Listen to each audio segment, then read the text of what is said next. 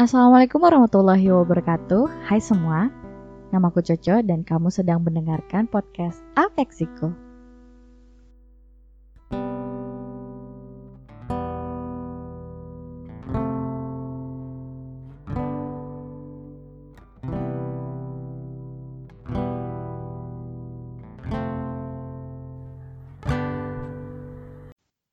Hai, selamat datang kembali di podcast Afeksiko.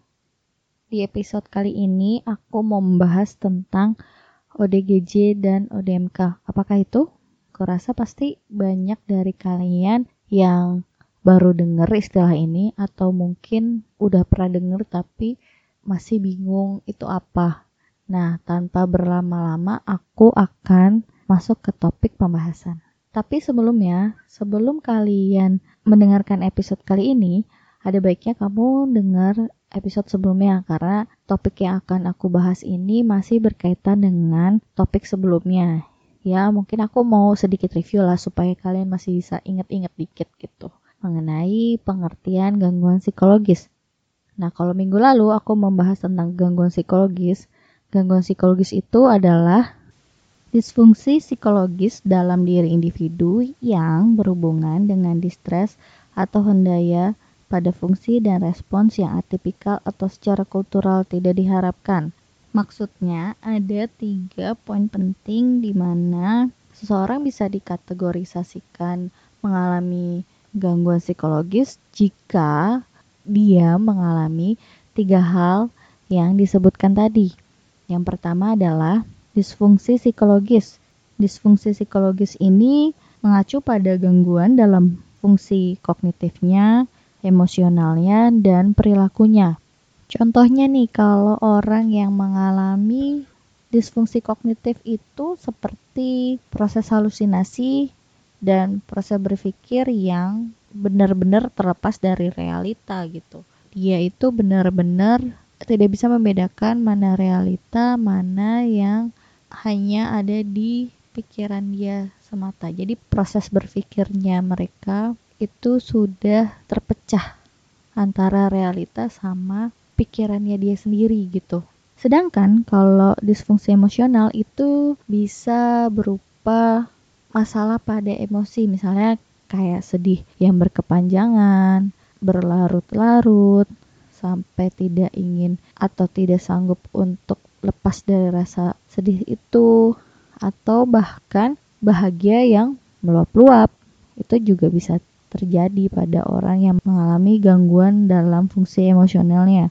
Nah, kalau perilaku, contohnya kayak orang OCD, dia harus menyusun sesuatu sesuai bentuknya atau segala sesuatu tuh harus putih, bersih atau ketika dia keluar rumah ada ritual-ritual tertentu kayak kunci pintu berapa kali atau cuci tangan berapa kali dan sebagainya. Nah, itu juga merupakan contoh dari gangguan perilaku. Sedangkan yang kedua adalah distres pribadi atau hendaya pada fungsi. Nah, hendaya di sini tuh maksudnya adalah terjadi kekacauan yang mengganggu dalam aktivitas sehari-hari pada orang yang menderitanya. Dan yang ketiga itu adalah respon atipikal atau secara kultural tidak diharapkan. Ya seperti contoh kayak kemarin. Apa pun itu selalu dilihat dari kondisi perilaku sosial yang terjadi pada masyarakat tempat si individu itu tinggal gitu. Dari yang aku sebutkan tadi, ketiganya itu harus muncul sebagai syarat penguatan untuk diagnosis. Namun, makna ini tuh masih luas banget kalau kita kaitkan lagi dengan gejala dari tiap gangguan psikologis atau gangguan jiwa lainnya gangguan psikologis itu kan macam-macam ya. Contohnya tuh kayak ada OCD, ada bipolar, ada fobia, dan macam-macam. Nah, gangguan psikologis atau gangguan jiwa ini tuh beda-beda, teman-teman. Dan setiap gangguan itu memiliki gejala yang beragam dan juga luas.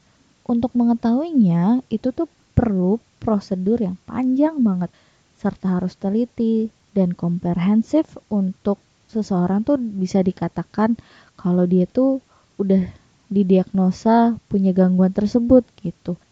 Nah, hal itu tuh tentu harus dilakukan oleh seorang profesional yang sudah ahli dan bekerja di bidang tersebut gitu.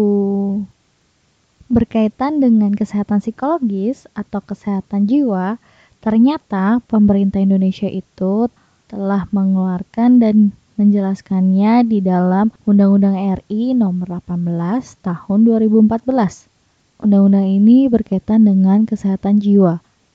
Pada Undang-Undang Pasal 1, bagian 1 yang di awal itu yang dimaksud dengan kesehatan jiwa itu adalah kondisi di mana seseorang individu dapat berkembang secara fisik, mental, spiritual, dan sosial, sehingga individu tersebut menyadari kemampuan sendiri, dapat mengatasi tekanan, dan dapat bekerja secara produktif dan mampu memberikan kontribusi untuk komunitasnya. Nah, di sini sudah jelas ya berarti bahwa orang yang sehat secara jiwa itu orang yang dapat berfungsi secara maksimal. Fungsi secara maksimal itu bisa dilihat dari fungsi fisiknya, mentalnya, spiritualnya, dan sosialnya. Sehingga tuh dia dapat mempergunakan kemampuan-kemampuannya tersebut untuk mengatasi tekanan, untuk bekerja secara produktif, dan dia itu bisa berfungsi di dunia sosialnya, di masyarakatnya gitu. Itu menurut undang-undang yang yang termasuk orang yang sehat secara jiwa adalah yang seperti itu. Ada dua terminologi yang dikeluarkan pemerintah untuk mengistilahkan orang yang mengalami gangguan kejiwaan atau orang yang mengalami gangguan psikologis. Yang pertama itu adalah ODMK dan yang kedua adalah ODGJ.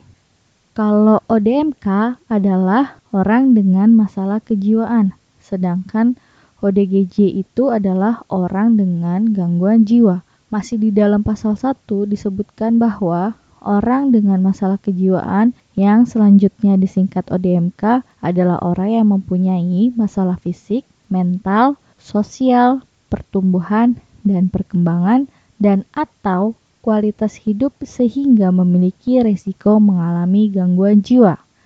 Masih di dalam pasal 1 juga disebutkan bahwa ODGJ adalah orang dengan gangguan jiwa, adalah orang yang mengalami gangguan dalam pikiran, perilaku, dan perasaan yang termanifestasi dalam bentuk sekumpulan gejala dan atau perubahan perilaku yang bermakna serta dapat menimbulkan penderitaan dan hambatan dalam menjalankan fungsi orang sebagai manusia.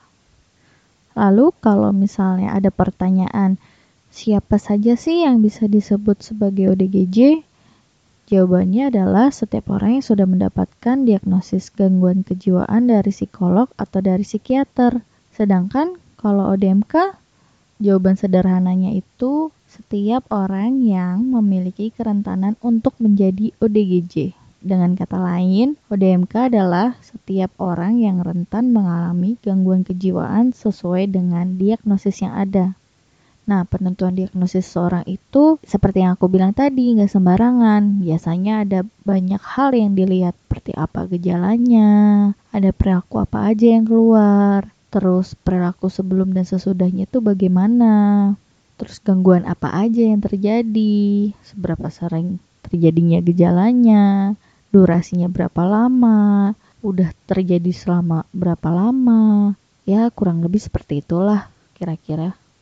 Dari penjelasanku barusan, kebayangkan untuk menentukan diagnosis terhadap suatu gejala atau suatu masalah psikologis itu tuh gak mudah, panjang, dan banyak banget yang dipertimbangkan. Jadi kamu tuh nggak bisa sembarangan atau asal diagnosis sendiri kayak baca di Google, searching, lalu cuman baca simptom-simptomnya tanpa kamu tahu dengan jelas apa bedanya dan mungkin banyak dari istilah-istilah yang beredar itu kamu nggak benar-benar tahu artinya jadi kamu akan menarik asumsi yang salah akhirnya apa menimbulkan kepanikan di diri kamu sendiri dan Bahaya yang lebih jauh adalah ketika kamu sudah berasumsi bahwa kamu menderita atau mengalami gejala atau kondisi psikologis tertentu. Terus dengan tahunya kamu mengkonsumsi obat tertentu. Akhirnya apa yang tadinya kamu nggak apa-apa, baik-baik aja, harusnya mungkin malah kondisinya jadi parah. gara-gara salah mengkonsumsi obat yang salah. Nah, makanya perlu penanganan profesional. Gak apa-apa kok datang ke psikolog, karena apa? Karena supaya kamu tahu dengan detail dan jelas apa yang terjadi dalam diri kamu. Nah, segitu dulu ya penjelasanku untuk episode kali ini. Semoga apa yang aku paparkan tadi benar-benar bisa kalian pahami dengan baik dan semoga apa yang aku sampaikan itu benar-benar bisa memberikan wawasan baru untuk kalian semua. Kayaknya aku sudahi dulu. Terima kasih atas perhatiannya. Wassalamualaikum warahmatullahi wabarakatuh. Bye. Terima kasih ya sudah mendengarkan episode minggu ini. Jangan lupa untuk dengarkan setiap minggunya podcast Afeksiku di aplikasi Spotify dan Anchor.fm serta follow Instagram kita di @afeksiku. Sampai jumpa lagi.